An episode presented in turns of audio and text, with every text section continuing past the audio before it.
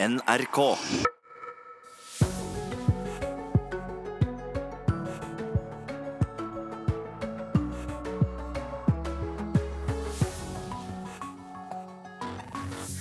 Det kan ta flere uker å finne ut akkurat hvordan langrennsstjernen Vibeke Skofterud døde, sier politiet i Agder. De tror det var en ulykke uten andre involverte. Samfunnet sparer over 1 milliard kroner i året ved å legge bussruter ut på anbud, sier NHO. Men Bussarbeiderforeningen advarer mot bare å tenke pris. Du får eh, tyngre arbeidsforhold i og med at det skal spares inn på alle bauger og kanter. Og det er valg i Zimbabwe. Det er første gang på 37 år uten den tidligere presidenten eh, Mugabe ved makten. Dette er noen av sakene i første del av Nyhetsmorgen i dag. Jeg heter Ida Creed. Ja, nyheten om eh, Vibeke Skofteruds eh, bortgang kom som et sjokk på Idretts-Norge i går. Hun blir beskrevet som et friskt pust i langrennsmiljøet fra hun slo igjennom i 2001. Det er Diggen som tar det! Det er Diggen som tar det! Det er Diggen som tar det! Det du hører her er en engasjert Vibeke Skofterud som følger kvinnenes sprintstafett under OL i Pyeongchang. I går ble 38-åringen funnet omkommet etter en vannskuterulykke utenfor Arendal. Og det er dette engasjementet hun vil bli husket for, forklarer NRKs langrennsekspert Torgeir Bjørn. Jeg husker Vibeke at hun kom inn som et friskt pust i, i Langrenns-Norge i starten av 2000-tallet. Eh, sprudlende jente, spredde mye glede rundt seg. og tror, tror at hun hadde stor betydning for eh, lagkameratene på sin måte å, å være på. Skofterud var aktiv skiløper fra 2001 til 2015, og har både OL-gull og VM-gull. Disse fra da Åge Skinstad var sportssjef, og han beskriver henne som en unik person.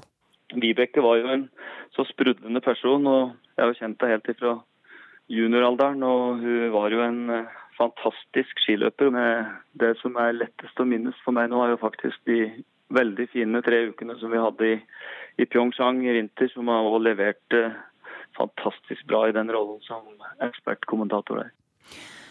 Reporter i saken var Marte Nyløkken Helseth. Ja, den tidligere lang langrennsløperen døde altså i en vannskuterulykke utenfor Arendal. Og sportskommentator i NRK, Jan Post, hvordan vil du oppsummere mm, Vibeke Skofteruds eh, karriere?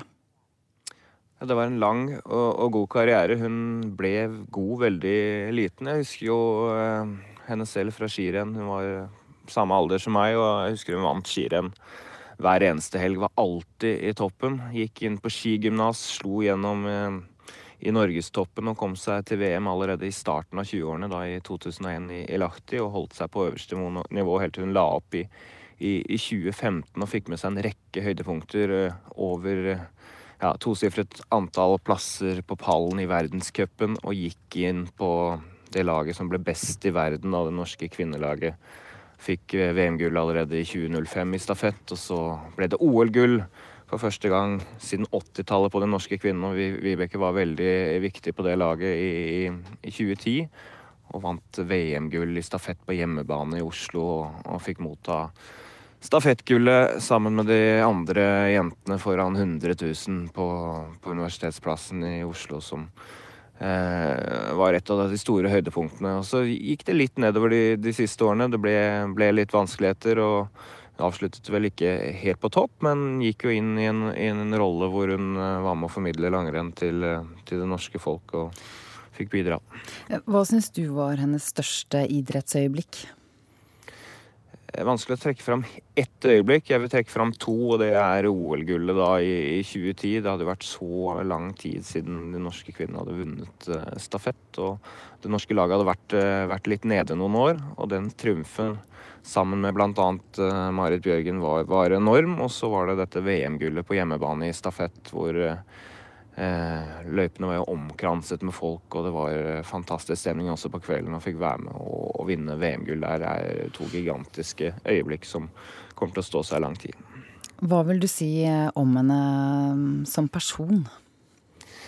Hun var jo veldig sprudlende og veldig godt humør, og, og, og spredde godt humør rundt seg. Hun kunne, du kunne høre latteren hennes i et, fylle et helt rom og dra andre med seg.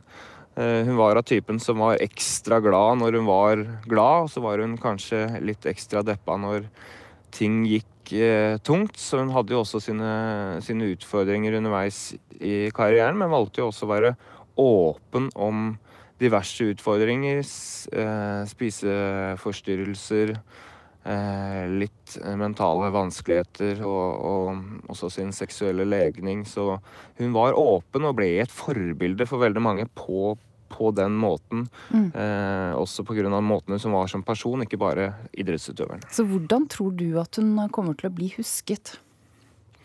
Det er nok det store smilet og latteren til Vibeke som kommer til å, å bli husket. Hun eh, hun var jo med å gå på ski i et miljø med så mange gode løpere, generasjoner løpere, helt fra Bente Skari til Marit Bjørgen til Therese Johaug, som var, var, der så lenge. Det var så mange øyeblikk. Eh, og det er først og fremst latteren og smilet og glimt i øyet som vil bli husket.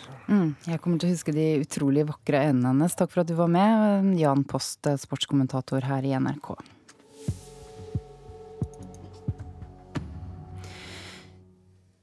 Samfunnet sparer over 1 milliard kroner i året ved å legge bussruter ut på anbud. Det mener NHO, som har kartlagt fordelene av å konkurranseutsette bussnæringen. Men likevel advarer Bussarbeiderforeningen og mener anbud er ødeleggende for bransjen. Konsekvensen er det at vi har, fått en bransje i, fritt fall. altså Det er en nedadgående spiral i forhold til kvaliteten på bransjen. Du får dårligere busser. Du får eh, demotiverte sjåfører. Eh, du får eh, tyngre arbeidsforhold i og med at det skal spares inn på alle bauger og kanter. Det gjør at det blir vanskeligere å rekruttere folk inn i bransjen også. For faglig sekretær i Bussarbeiderforeningen, Per Ole Melgaard, er anbud et skjellsord. Ja, det er et skjellsord. Anbud av offentlige tjenester har skapt stor debatt den siste tiden. Søppelkrisa i Oslo, hvor anbudsvinner gikk konkurs og ikke kunne hente søppel lenger, og konflikten i luftambulansetjenesten, hvor piloter måtte gå ned 200 000 kroner i lønn etter anbud. Derfor valgte NHO Transport å kartlegge fordeler og ulemper med å utsette bussnæringen for den samme type konkurranse altså anbud, hvor det beste tilbudet vinner oppdraget. Ja, vi følte at det kom til å bli positive funn, for vi vet at det har vært en effektivisering i, i bransjen. Analysen er utført av Visma, og administrerende direktør i NHO Transport, Jon Stordrange, sier funnene om en kostnadseffektivisering i bussnæringen på 10-15% taler for seg selv. Altså, norske fylkeskommuner bruker i alt ca. 11 milliarder i året på busstjenester.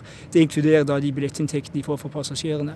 Og hvis man har regnet 10 av det, så det er ca. 1,1 milliarder. Og Det kan man da bruke enten til å styrke kollektivtrafikken ved et bredere og bedre tilbud, eller man kan bruke det til andre velferdstjenester fra det offentlige side. Bussnæringen har vært under anbud siden 1994, og i dag er nær alle de fylkeskommunale bussrutene anbudsutsatt. Men kostnadseffektivisering er ikke nødvendigvis bra for busspassasjerene, mener Bussarbeiderforeningen. Det har jo vært fint hvis de fikk det beste tilbudet og ikke det billigste tilbudet til hver tid. For det er det de gjør nå. De får den billigste utgaven av, av eh, det tilbudet som de må, må benytte seg av.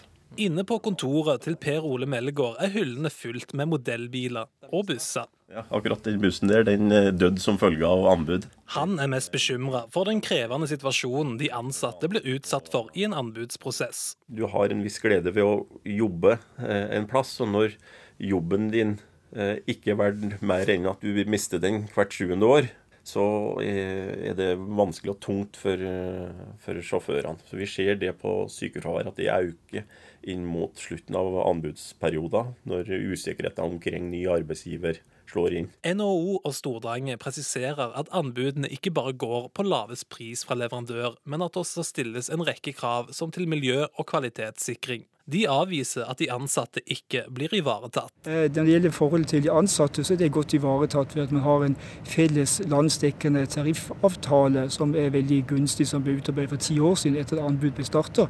Og man har lov om virksomhetsoverdragelse som betyr at hvis et anbud bytter operatører som går over til annet busselskap, så har alle sjåførene krav på å bli med over til nytt selskap og beholde sine lønns- og arbeidsvilkår uendret. Reporter her var Ola Solheim. Og da har vi fått eh, i studio forsker ved Transportøkonomisk institutt, Jørgen Aarhaug. Du er jo ekspert på dette feltet. Hva tenker du om det bussarbeiderne sier i saken? Altså det billigste tilbudet er ikke alltid det beste. Ja, altså man kan se på det på litt forskjellige måter. På en måte så har de helt rett i det at eh, arbeidsvilkårene for bussjåfører er satt under press. Samtidig så har de dårligste arbeidsvilkårene blitt vesentlig bedre. Så mange bussarbeidere har antagelig fått det bedre, men en god del har også fått det verre etter den felles bransjeavtalen. Men du, du mener også at det har blitt et tøffere yrke med, med tiden. Eh, hvordan da? Det går mest på det at man, tiden blir utnytta mer effektivt. Altså, tidligere så var det mange ruter som hadde en god del slack. Man hadde litt ekstra tid til å hente bussene på morgenen. Man hadde litt tid mellom avganger for å få bussen i rute. Eh, den type frihet som ikke er tariffesta, som gir, litt, gir en sånn skuldrende ned-opplevelse for bussjåføren, den type er blitt stramma inn på. Den eh, skuldrende ned-følelsen for en sjåfør er vel ganske viktig for sikkerheten, tenker jeg. Det er rimelig å anta det, men vi har egentlig ikke noe forskning på det, så det hadde vært morsomt å se på en gang.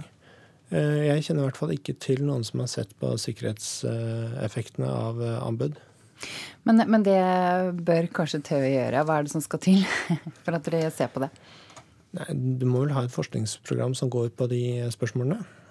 Det må ha allmenn interesse om man ser på det. Sånn som det er nå, så har mesteparten av forskningsinteressen gått på det enten hvorfor koster det mye for fylkeskommunen å kjøpe busstjenester, eller øh, hvorfor øh, går det så dårlig eller så bra for de ulike aktørene i bussbransjen. Og det har liksom vært rundt spørsmål knytta til det, ikke nødvendigvis til arbeidsforholdene. Det har vært et par studier på arbeidsforhold også, altså. men øh, som, det er liksom ja, de store aktørenes forhold som har vært det som har vært i fokus på de spørsmålene. Hvis vi skal tilbake til eh, kjernen i denne saken, hva er egentlig fordelene da ved å legge kollektivtransporten ut på anbud? Det er som NHO sier, man sparer penger på det. Eh, man får produsert veldig mye mer effektivt enn det man gjorde før. Og det finner både norske og internasjonale studier. Når man har innført anbud i buss, så har man spart inn mellom 10 og 20% sånn jevnt over. Eh, og det er kostnader som ikke er kommet igjen etterpå. Altså Man har hatt en underliggende kostnadsvekst, men man har spart inn penger ved å sette ting på anbud. Og man har spart inn penger ved å ha ting på anbud over tid. Så man driver, produserer busskilometerne mer effektivt enn det man gjorde før. Altså Hvordan vil du si at, at dette da påvirker eh, kundene? På den ene siden så får kundene mer buss for pengene. De får nyere busser, de får uh, ofte mer miljøvennlige busser. Det, altså det, miljøvennlige busser er dyrere enn rene dieselbusser. Man kan ta ut den type gevinster. Man har høyere eh, grunnstandard, kanskje ikke samme byggekvalitet på bussene som man hadde før, men standarden type aircondition, type sanntidsinformasjon, type lavgulvsbusser er bedre. Rutetilbudet er bedre. Det er gevinster av anbud, annet. Også har økt fokus på det. Så det på den måten får kunden igjen. Fagforeningen mener altså at man får mindre motiverte sjåfører, mer slitasje. Og man sliter jo med rekrutteringen til bussyrket. Så hva tror du mm, er effekten på det? Ja, igjen så tror jeg Altså, fagforeningen har helt rett. Eh, sett fra deres side, så det er utfordrende for sjåførene. Ja, man har fått en bussbransjeavtale som gjør at du får ikke den altså Man mister ikke pensjon, man mister ikke eh, lønn på samme måte som man kanskje har gjort i enkelte andre land hvor man har innført anbud. Men man får den usikkerheten, og man blir Altså, det som nå er tariffesta, blir liksom minstestandarden på hva tilbudet skal legges på. Veldig kort til slutt, er det egentlig mulig å gå bort fra det anbudssystemet vi har her i Norge? Nei, egentlig ikke. Takk for at du kom i studio, forsker ved Transportøkonomisk institutt, Jørgen Aarhaug. Det er Nyhetsmorgen du hører på. Klokken har blitt 17 minutter over sju, og dette er noen av hovedsakene nå. Som dere akkurat hørte, tilbudskonkurranse på bussruter vil spare samfunnet for flere milliarder kroner, ifølge NHO, men fagforeningen advarer altså mot bare å tenke pris. Det beste tilbudet er ikke alltid det billigste, sier de. Og tørkekrisen i landbruket her i landet går nå også utover andre næringer. I dag er det valg i Zimbabwe. Dette er det første valget i landet siden militæret avsatte diktator Robert Mugabe i november i fjor. Da hadde han styrt landet i hele 37 år. I går snakket han offentlig for første gang siden han mistet makten.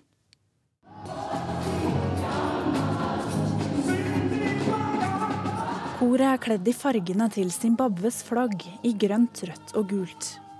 Kirken i Harare er stappfull av dansende og syngende mennesker som er kommet for å be for at valget skal gå rolig for seg. Vi ber for landet vårt. Gud følger med og passer på at det blir et fredelig valg, sier Abigail Brighton. Hun er en av over fem millioner zimbabwere som gjør seg klare til å stemme for første gang på 38 år, uten Robert Mugabe ved makten. I samme by sitter Mugabe i en stor skinnstol med et titalls mikrofoner foran seg.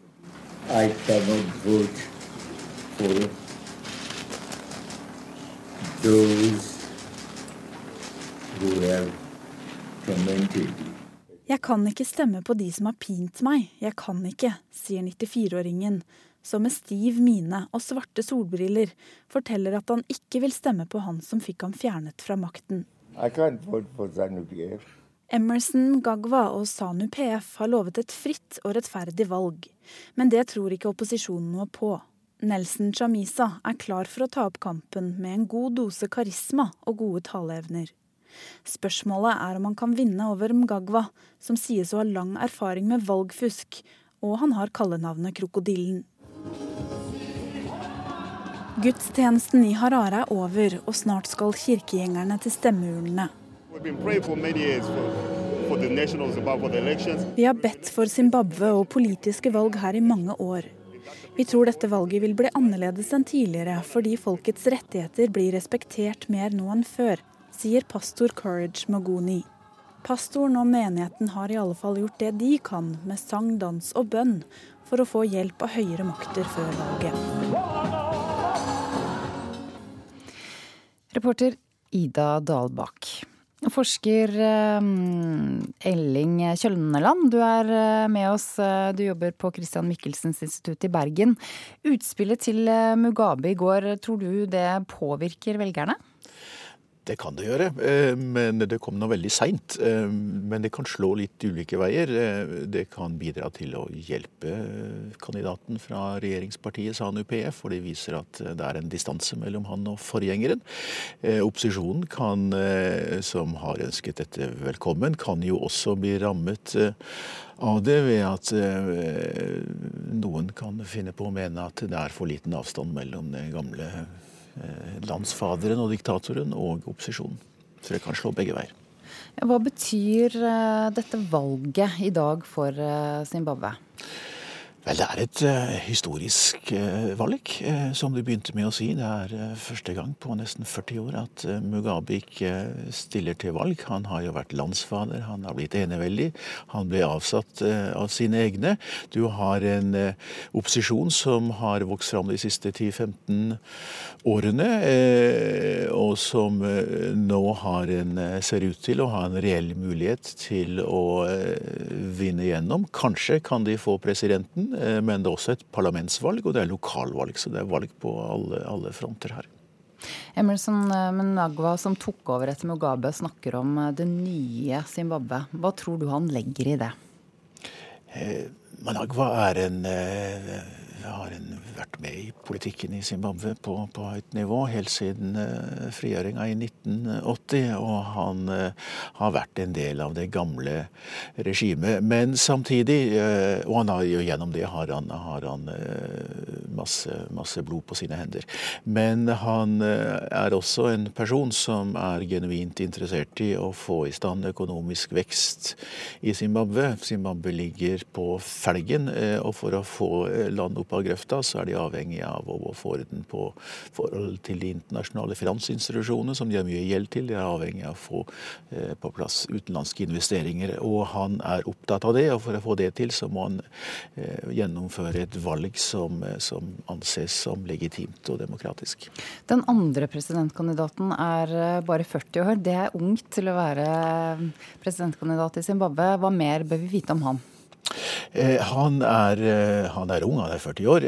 Han har, men han har vært med lenge. Han har vært ungdomsleder i dette opposisjonspartiet. Han er en karismatisk taler.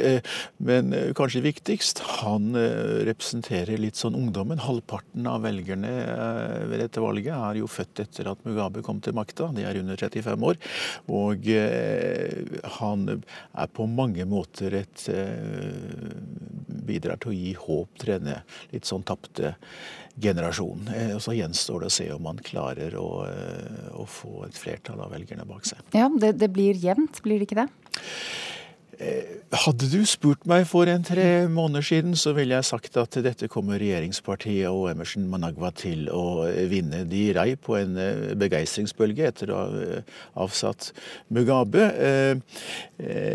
Og de er et sterkt parti, men, men, så har det vist seg at det er for mye opposisjon også innad i regjeringspartiet, så partiet har blitt noe svekket. Opposisjonen lå jo nede når Mugabe ble fjernet. Eh, de eh, var splittet. Dens karismatiske leder, eh, Morgan Svangarei, døde av kreft i vinter. Så ingen trodde at opposisjonen skulle klare å mobilisere og samle seg. Men det har de et stykke på vei klart. Det er fortsatt mange partier. Vi snakker jo her om 23 presidentkandidater og 55 politiske partier som stiller til valg. Men det står mellom to? Det står mellom to på, mm. president, på presidentsiden, ikke jeg må, på Jeg må bare spørre veldig kort til slutt. Er det grunn til å tro at dette valget blir fritt og uavhengig? Det er eh, mye mer fritt og uavhengig så langt enn noen av de valgene vi har hatt de siste 10-15 eh, årene, og bare det er jo positivt. Kjempefint. Godt å høre. Takk for at du var med, forsker eh, ved Christian Michelsens institutt i Bergen, Elling Kjønneland.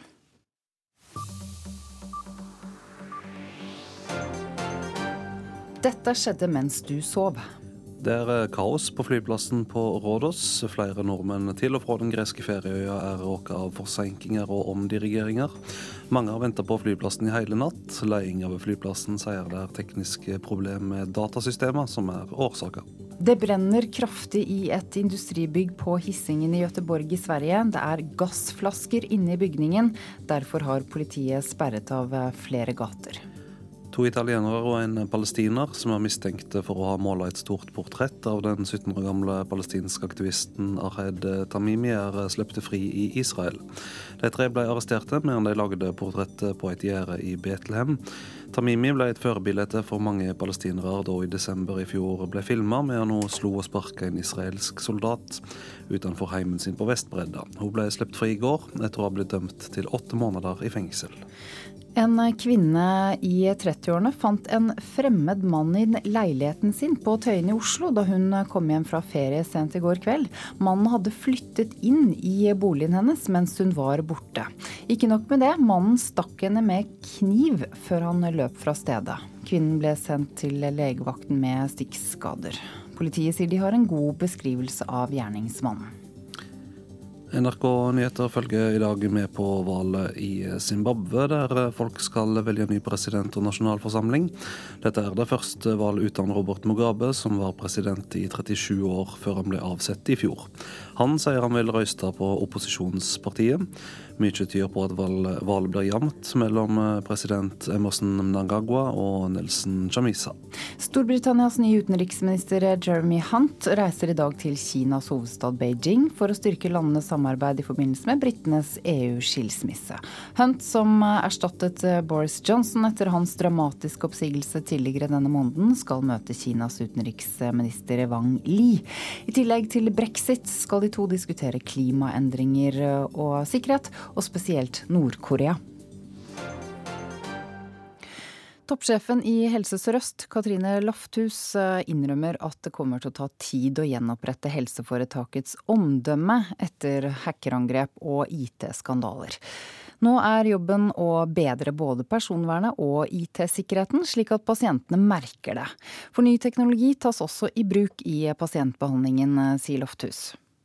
Det er ikke bare det vi vanligvis tenker på som IKT, hvor vi eh, må ha fokus på dette med informasjonssikkerhet og personvern. Det er også alle mulige behandlingshjelpemidler som nå blir mer moderne og teknologiske. F.eks. Det å måle blodsukker, det kan jo pasienter eh, gjøre hjemme og, og registrere på, på apper på, på smarttelefonen sin. Men da er det lagring i, eh, i skyer som ikke vi syns er sikre nok osv. Og, og så er det klart at dette er jo moderne teknologi som pasientene ønsker seg. Samtidig så sitter vi da kanskje er kjipe fordi vi sier at dette er ikke trygt og sikkert nok, og at det er til syvende og sist vi som har ansvar for at eh, vi tar vare på dataene dine på en trygg og sikker måte. Katrine Lofthus jobber med å rette opp omdømmet til landets største helseforetak etter IT-skandalen. Det er sånn at Tillit er lett å bryte ned, og så tenker jeg at tillit bygger man ikke opp uten gjennom handlinger. Så for meg nå så er det viktig at vi viser at vi får eh, gjort den jobben vi hadde tenkt å gjøre, nemlig å modernisere infrastrukturen vår, for det, det trenger vi. For det vil nemlig bedre sikkerheten, paradoksalt nok. Lofthus sier at pasientene snart vil merke at foretaket har tatt grep for å bedre personvern og IT-sikkerhet. Vi holder på med spennende prosjekter nå da, i, i Helse Sør-Øst sammen med bl.a. Direktoratet for e-helse, og skal i løpet av 2018 eh, få på plass det vi kaller innsynsløsninger, sånn at eh, du og jeg som pasient kan gå inn på helsenorge.no og lese i vår eh, egen journal, og ikke minst også se på loggene og finne ut hvem har vært inne i journalen vår. Er det de behandlerne som vi vet at vi har vært oss, eller er det eventuelt noen andre som ikke skulle ha vært der. Så du og jeg skal få vite om leger eller eh, nabosykepleieren har snoket i min journal? Ja, det skal vi. Reporter her var Anne Cecilie Remen, og Katrine Lofthus er eh, dagens sommergjest her i P2 klokken kvart på åtte. Vidar Eidhammer har satt seg på plass på andre siden av bordet her. Han er klar med Dagsnytts hovedsending 7.30. En gang i tiden var New York Daily News en stor og viktig avis. I forrige uke valgte de nye eierne å si opp sjefredaktøren og halve staben. Det skal det handle om etter Dagsnytt.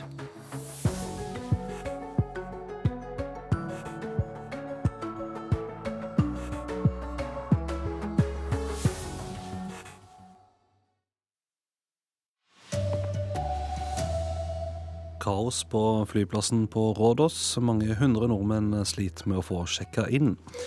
Tilbudskonkurranser i bussnæringa kan spare samfunnet for milliarder av kroner, ifølge NHO.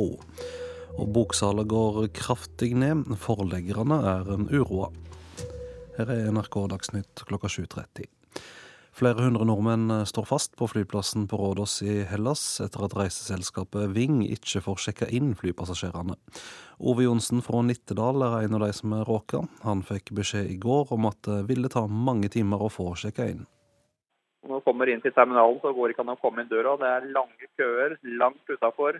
Ingen veit noen ting. Og det skal være tre innsjekkingsskranker som skal sjekke inn sju Thomas Cook-fly til København, Göteborg, Malmö, Oslo, Bergen, Stavanger. Hvis folk spør om informasjon, så begynner de ansatte å kjefte. Begynner å grine. og Folk blir mer og mer irritert. kommer en eh, lastebil som kaster inn eh, en haug med 10-12 pakker med halvliter vann for å få noe å drikke. Det er det vi har fått. Passasjerene ble så kjørt fra flyplassen inn til nærmeste by, men der var det ingen ledige hotellrom. Så Her ligger det en 300-400-500 mennesker på solsenger som har tatt badehåndklær som har hatt i kofferten over seg og prøver å sove. Det ligger folk i resepsjon, det ligger folk på bad, det ligger folk i restaurant, det ligger folk overalt. Og så har vi fått en tekstmelding fra Vingmor hvor står at dere får gratis frokost på hotellet, bare oppgi bookingnummeret og navnet deres. Beklager forsinkelsen. Hilsen Ving. Det er informasjon som kommer. Noe mer vet vi ikke. I Ving har det vært krisemøte i hele natt, sier informasjonssjef Siri Rørstaff, uten at det hjelper stort for passasjerene på Rådås. Ja, nei, Vi kan ikke noe, si noe annet enn at dette er en forferdelig situasjon eh, for alle gjestene våre. Eh, veldig beklagelig. Eh, vi har jobba på spreng i hele natt for å finne gode løsninger for alle. Dette rammer jo eh, fly eh, som skal rundt i hele Europa. Og Det er fremdeles uklart når innsjekkingssystemet er oppe igjen og passasjerene får um, komme seg hjem. Reporter Bjørn Atle Gildestad. Nyheten om at eh, Vibeke Skofterud mista livet i ei ulykke i går, kom som et eh, sjokk på Idretts-Norge. Hun blir skildra som et friskt pust i langrennsmiljøet fra hun slo gjennom i 2001. Det er diggen som tar det! Det er diggen som tar det! Det er diggen som tar det! Det du hører her, er en engasjert Vibeke Skofterud som følger kvinnenes sprintstafett under OL i Pyeongchang. I går ble 38-åringen funnet omkommet etter en vannskuterulykke utenfor Arendal. Og det er dette engasjementet hun vil bli husket for, forklarer NRKs langrennsekspert Torgeir Bjørn. Jeg husker Vibeke, at hun kom inn som et friskt pust i, i Langrenns-Norge i starten av 2000-tallet. Eh, sprudlende jente, spredde mye glede rundt seg. og tror, tror at hun hadde stor betydning for eh, lagkameratene på sin måte å, å være på. Skofterud var aktiv skiløper fra 2001 til 2015, og har både OL-gull og VM-gull. Disse fra da Åge Skinstad var sportssjef, og han beskriver henne som en unik person. Vibeke var jo en så sprudlende person, og jeg har kjent henne helt fra junioralderen. Og hun var jo en eh, fantastisk skiløper. Med det som er lettest å minnes for meg nå, er jo faktisk de veldig fine tre ukene som vi hadde i, i Pyeongchang i vinter, som har også levert eh, fantastisk bra i den rollen som ekspertkommentator der. Reporter Marte Nyløkken Helseth. Samfunnet sparer over en milliard kroner i året ved å legge bussruter ut på tilbud. Det mener NHO, som har sett på fordelene ved å konkurranseutsette bussnæringa. Bussarbeiderforeninga mener tilbudskonkurranser er ødeleggende for bransjen. Konsekvensen er det at vi har, fått en bransje i, i, fritt fall. altså Det er en nedadgående spiral i forhold til kvaliteten på bransjen. Du får dårligere busser, du får eh, demotiverte sjåfører. Eh, du får eh, tyngre arbeidsforhold i og med at det skal spares inn på alle bauger og kanter. Det gjør at det blir vanskeligere å rekruttere folk inn i bransjen også.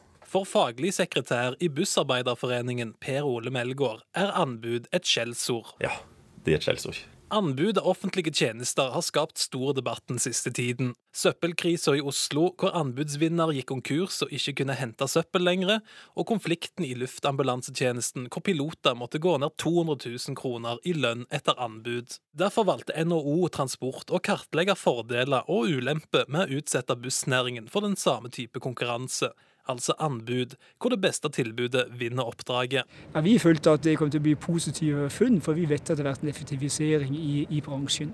Analysen er utført av Visma, og administrerende direktør i NHO Transport, Jon Stordrange, sier funnene om en kostnadseffektivisering i bussnæringen på 10-15% taler for seg selv. Altså, norske fylkeskommuner bruker i alt ca. 11 milliarder i året på busstjenester. Det inkluderer da de billettinntektene de får for passasjerene. Og hvis man har regnet 10 av det, så det er ca. 1,1 milliarder. Og Det kan man da bruke enten til å styrke kollektivtrafikken ved et bredere og bedre tilbud, eller man kan bruke det til andre velferdstjenester fra det offentlige side. Men kostnadseffektivisering er ikke nødvendigvis det beste for busspassasjeren. Det har jo vært fint hvis de fikk det beste tilbudet og ikke det billigste tilbudet til enhver tid. For det er det de gjør nå. Reporter Ola Solheim.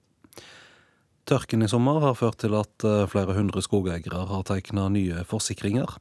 I tillegg til eh, skogbrann frykter de at varmen gir ved oppblomstring av barkebiller, som eh, kan ødelegge tømmer for millioner av kroner og føre til permitteringer. Dette er lyden av skogbrannen i Sirdal i helgen. Denne sommeren har det vært flere hundre skogbranner i Norge, og det har satt en støkk i norske skogeiere. Nå i sommer, siden mai, der det har vært så veldig tørt, så har vi hatt en markant økning i forespørsel om å tegne. Eh, da har det blitt fokus, og oppmerksomheten har jo blitt mye høyere. Så vi har hatt en eh, bra pågang på, på telefonen. Det sier Per Asbjørn Flugstad, administrerende direktør i forsikringsselskapet Skogbrann. I tillegg til frykt for skogbranner fører heten til andre bekymringer for skognæringen, sier Hans Asbjørn Sørli i Norges Skogeierforbund. Det vi er litt bekymra for nå, i tillegg til, til brannfaren, det er at eh, trærne nå blir svekka. Og Det gjør at de kan være utsatt for såkalte barkebilleangrep. Vi hadde litt den samme situasjonen under tørken på 70-tallet. 70 hvor, eh, hvor barkebiller drepte flere millioner kubikk med, med tømmer og trær. På 70-tallet så kosta det rundt 500 millioner kroner. Eh, Og Da kan man tenke seg hva det vil koste i dagens eh, kroner. Det er ganske vesentlig utfordring for skogbruket. Reporter Selma Joner. 2018 har vært et uh, tøft år for bokbransjen. I første halvår har salget av skjønnlitteratur vært 13% lavere enn samme periode i fjor. Og forleggerne er uroa. Når sist kjøpte du ei bok? Jeg husker ikke. Det er litt lenge siden. Jeg leser andre bøker. Det er mange år siden. Svært mange år siden.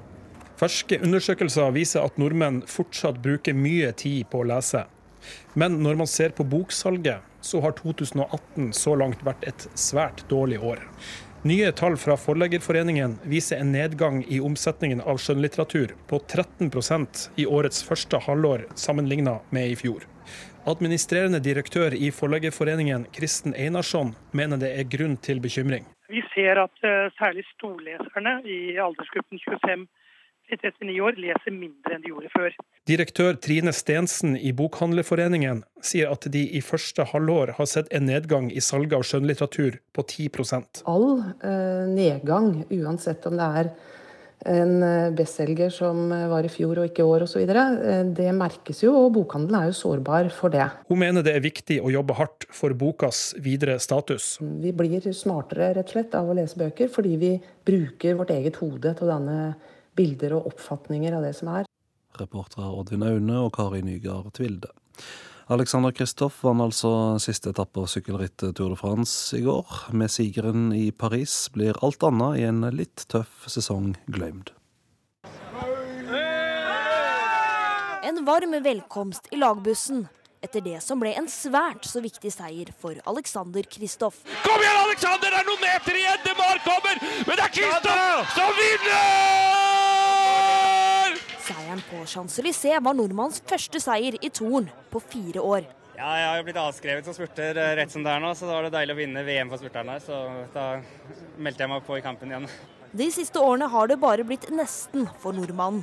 Og han innrømmer at han merker at han har mistet litt av toppfarten. Jeg vet jo at jeg blir treigere med årene, det har jeg sett mange blir. Og jeg har følt at jeg har mangla litt. Jeg blir slått på trening av Erlend bl.a., rett som det er. så så når jeg kan vinne her, så kan jo han vinne her òg, skal jeg si. Nei, det er kult. Det er stort. Eh, redder på en måte litt sesongen min, men har ikke vært helt på topp. Sa Alexander Kristoff, reporter Marte Nyløkken Helseth. Ansvarlig for eh, sendinga Marianne Løkkeberg, i studio Vidar Eidhammer.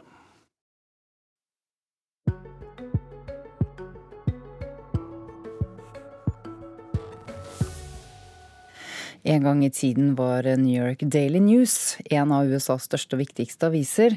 Men i forrige uke valgte de nye eierne, selskapet Trunk, å si opp sjefredaktøren og halve staben. Da falt det noen tårer. Plutselig selv i blitsregnet mandag morgen.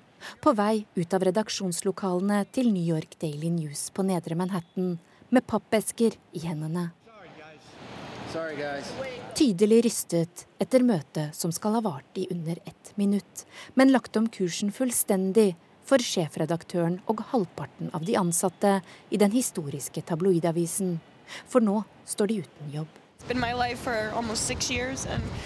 I feel very privileged to get to, to have gotten to work with um, some of the best in the business. I, dette har vært livet mitt i nesten seks år, og jeg føler meg svært privilegert som har fått jobbe sammen med noen av de beste i bransjen. Jeg føler at jeg har vokst opp i Daily News. Avisen har betydd alt for meg, sier journalist og forfatter Chelsea Marses gråtkvalt.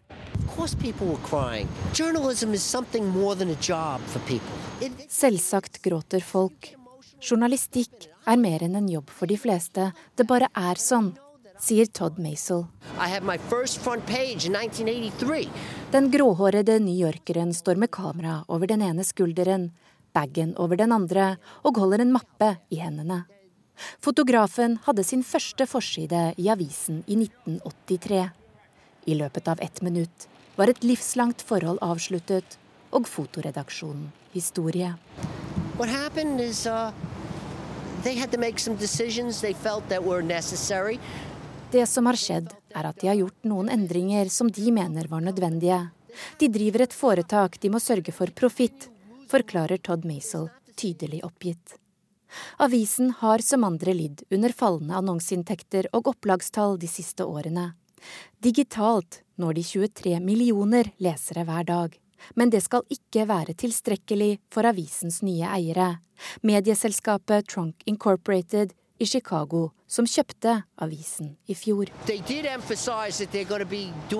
News, so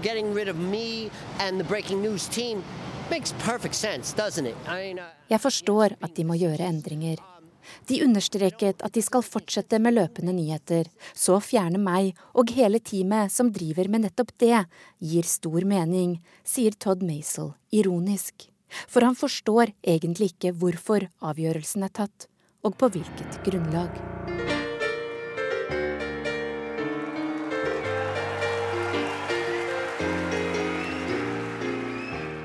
I 100 år har avisen Daily News satt sitt preg på New York, og sørget for at mang en ansatt har kommet på jobb med fingre sorte av trykksverte etter å ha trålet avisen på T-banen på veien til. For mange et symbol på det å være newyorker, som skildret av Billy Joel i hans New York State of Mind. The New York Times, Daily News. Opprinnelig var avisen arbeiderklassens venn som fortsatte å vinne tillit og høste anerkjennelse, spesielt gjennom sine mange avsløringer relatert til kriminalitet og korrupsjon i storbyen. I sin storhetstid hadde avisen det største opplaget i hele USA, og var en referanse alle kunne relatere seg til. Daily News har mottatt den prestisjefylte Pulitzer-prisen hele elleve ganger. Nå stormer det i kommentarfeltene og på sosiale medier, og New Yorks guvernør Andrew Cuomo omtaler nedbemanningen som en katastrofe, og har gått offentlig ut og kritisert avgjørelsen til Trunk. Trunk har hovedsete i Chicago og eier en rekke større amerikanske aviser, blant dem Chicago Tribune, The Baltimore Sun og The Morning Call of Allentown.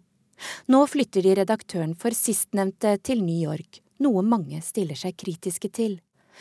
Da Trunk forsøkte seg på et lignende trekk i vestkystens mest anerkjente avishus, Los Angeles Times, i fjor, gikk det riktig galt.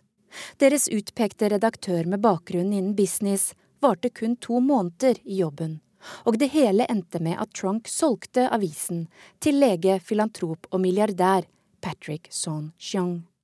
Patrick Son-Chiong beskriver falske nyheter som vår tids kreft, og han har derfor kjøpt LA Times og en rekke andre aviser på vestkysten.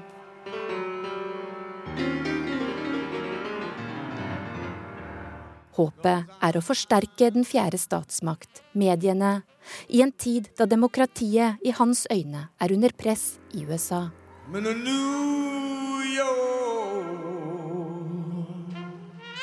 Om han nå også har østkysten og New York i sikte, vites ikke.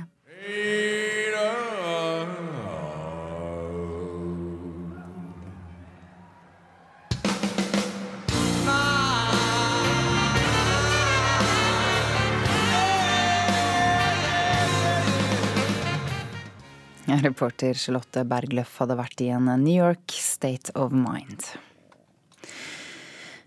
Da skal vi hjem igjen og høre at toppsjefen i Helse Sør-Øst, Katrine Lofthus, innrømmer at det kommer til å ta tid å gjenopprette helseforetakets omdømme etter dataangrepene. Nå er jobben å bedre både personvernet og IT-sikkerheten, slik at pasientene føler seg trygge.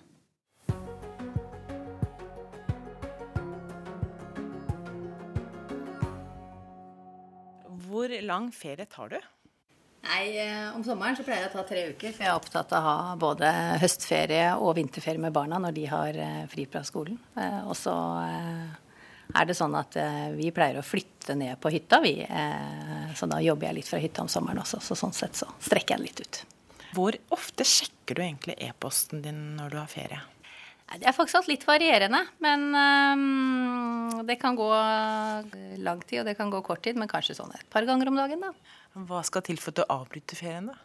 Nei, Det vil være hvis det er en uh, alvorlig situasjon, en beredskapssituasjon, en krisesituasjon, så vil jeg uh, ferien. Men ellers så er det mange flinke folk som uh, passer på at skuta holder seg flytende.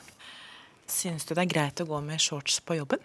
Morsomt at du stiller det spørsmålet, for det, jeg, det, er det en ansatt som har stilt meg en gang. Jeg ansatte en person på Oslo universitetssykehus som lurte på det. Går det an å gå med shorts på jobben? Da sa jeg at ja, det går fint. Bare du i noen offisielle situasjoner kan, eh, kan ta på deg noe annet. Personlig går jeg ikke i shorts.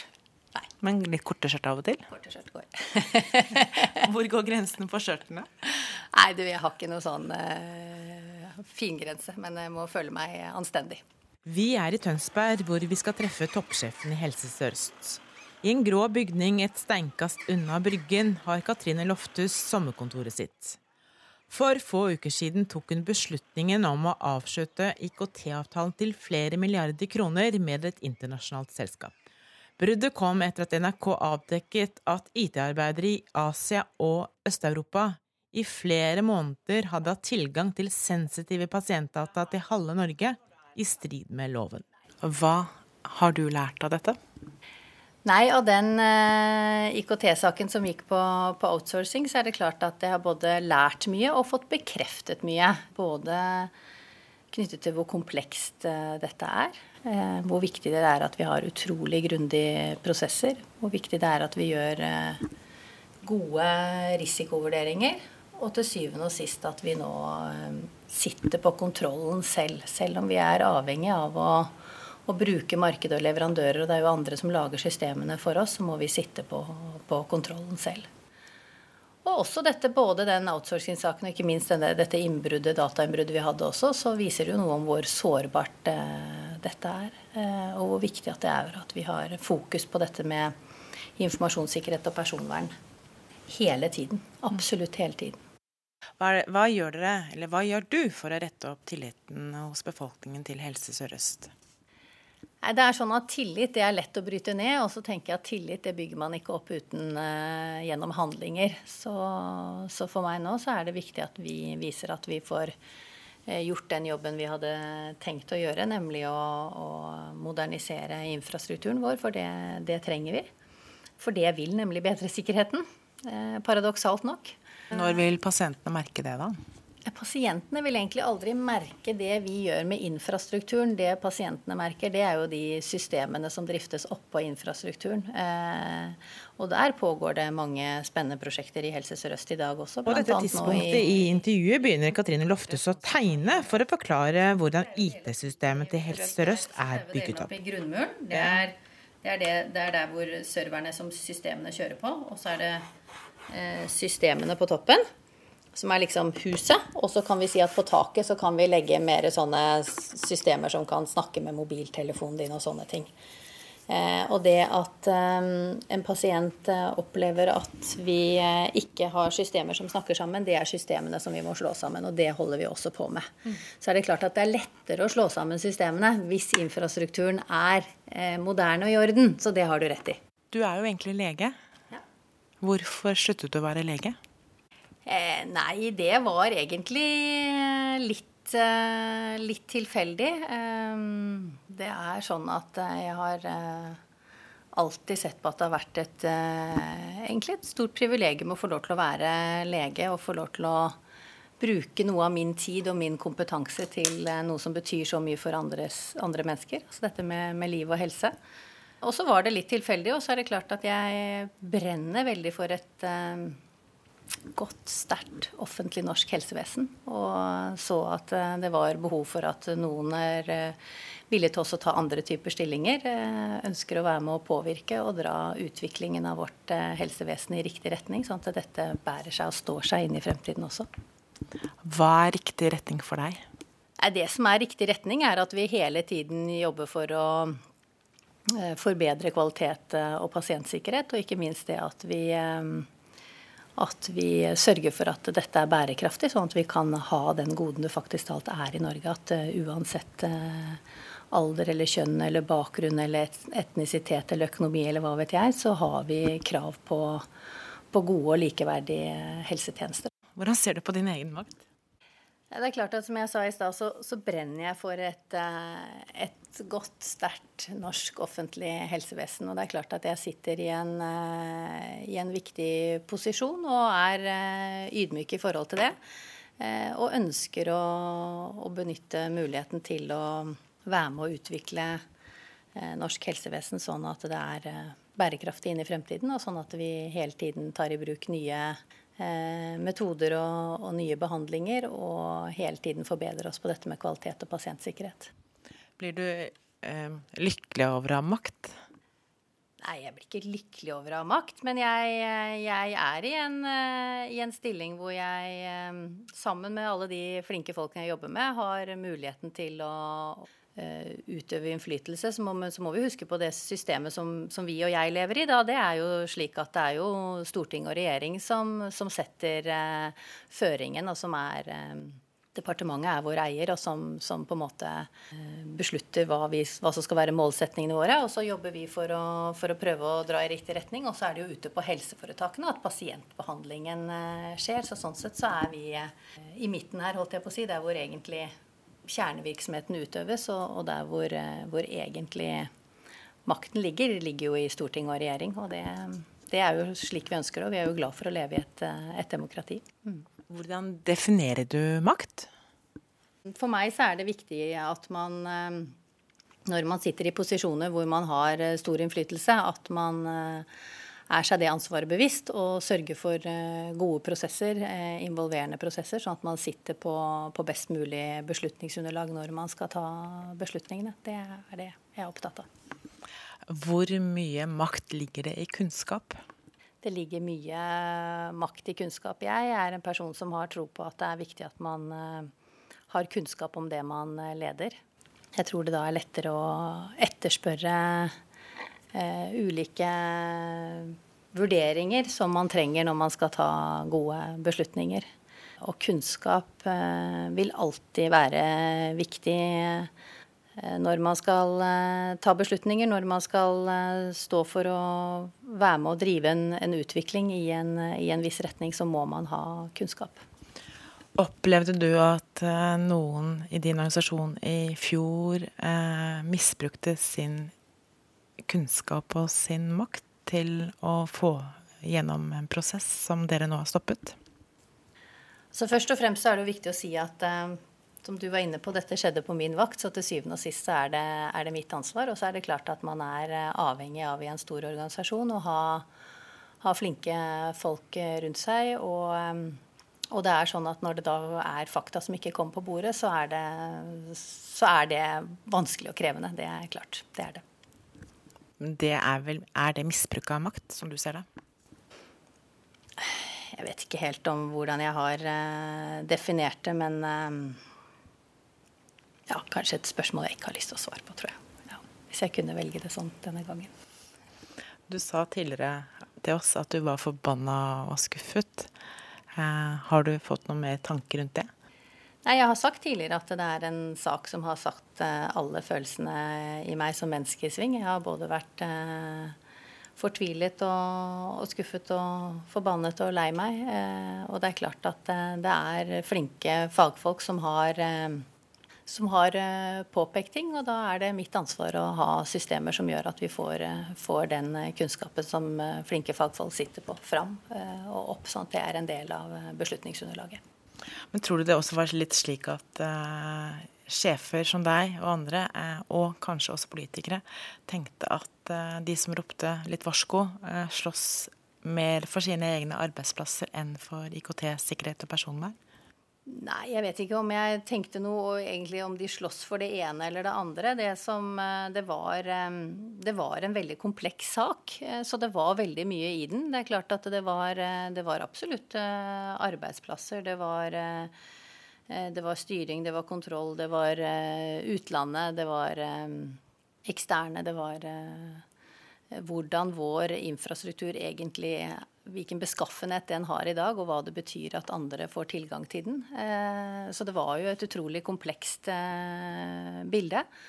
Eh, men det er jo sånn det er mange ganger, og da må man passe på at man får, får alle, alle, synspunktene og fakta på bordet, og ikke være redd for å, at ikke det er Altså, ting må ikke være enhetlig når det kommer opp til beslutning i en ledergruppe. Der kan og skal alle variantene være med, sånn at vi får sett helheten. Så framover vil du lytte litt mer til flere da, kanskje? Ja, jeg vil si at jeg egentlig prøvde å lytte ganske mye. Jeg hadde både møte med, med fagforbund og mine egne tillitsvalgte gjentatte ganger. Vi satte i gang noen ekstra undersøkelser av et alternativ som, som eh, ikke var godt nok belyst, hvor vi satte på ressurser på det. Så eh, det er klart. Men ja, jeg eh, vil eh, gjerne lytte, og har hatt ekstra møter med de tillitsvalgte i Sykehuspartner f.eks. i den prosessen vi har vært gjennom nå, for å, for å ta valget om veien videre. Hvilke råd vil du gi til unge som ønsker å bli ledere? Nei, altså først og fremst så vil jeg eh, si at eh, kunnskap eh, er viktig. Eh, jeg har tro på de som leder eh, sektorer som, eh, som, de har noe kompetanse om. Jeg vil si at man må ikke være redd for å ta utfordringer. Og så vil si at eh, Først og fremst så tror jeg ikke man alltid skal være så opptatt, eh, i hvert fall tidlig i karrieren, om man skal lede eller ikke lede, men at man jobber med noe man eh, trives med, og at man har jobber som man finner interessant, og hvor man føler at man kan gjøre en, en forskjell. Det er, er viktig. Og så får man gripe de mulighetene som byr seg etter hvert. Du har valgt å få fire barn, og har, du er en av de få kvinnelige topplederne i Norge. Mm. Du hater sikkert å få spørsmål, og menn får ikke spørsmålene.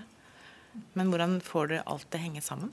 Nei, vi har, eh, vi har en eh, logistikk som, eh, som, går rundt. Da. Jeg har De eldste barna er flinke til å hjelpe til med hun yngste. Vi har noen fantastiske jenter i nabolaget som vi har som, som, jobber i en barnehage som er rett ved oss, som vi har engasjert litt noen ettermiddager i uken. Ja, jeg jobber mye, men mitt, min, mitt sånn pusterom er at jeg begynner aldri tidlig på jobb, så jeg tar barna om morgenen. Så, så til sammen sånn så, så, får vi det til å gå. Og så prioriterer jeg skoleferiene. Det er viktig for oss. Så, Hva er drømmesommeren for deg? Nei, Drømmesommeren den har jeg egentlig rett utenfor, utenfor uh, hyttedøra nå. Det er um, her i Vestfold i strålende fint vær hvor man kan få vært på sjøen og, og kose. Det syns jeg er helt glitrende. Sammen med jeg har eh, Foreløpig det jo, begynner å bli noen av barna som vil litt sånn til og fra ikke være på hytta hele tiden. Men foreløpig har jeg alle fire barna på hytta, så det, jo, da syns jeg jeg har det helt, helt som plommen i egget. Bader du hver morgen? Ikke hver morgen, men jeg har barn som syns jeg er skikkelig treig for jeg ikke bader hver morgen. Så helst så drømmer jeg jo om å ta en liten joggetur og ta morgenbad, da. Og jeg eh, får det til ganske ofte, men eh, ikke hver dag. Ha en god ferie, da. Tusen takk.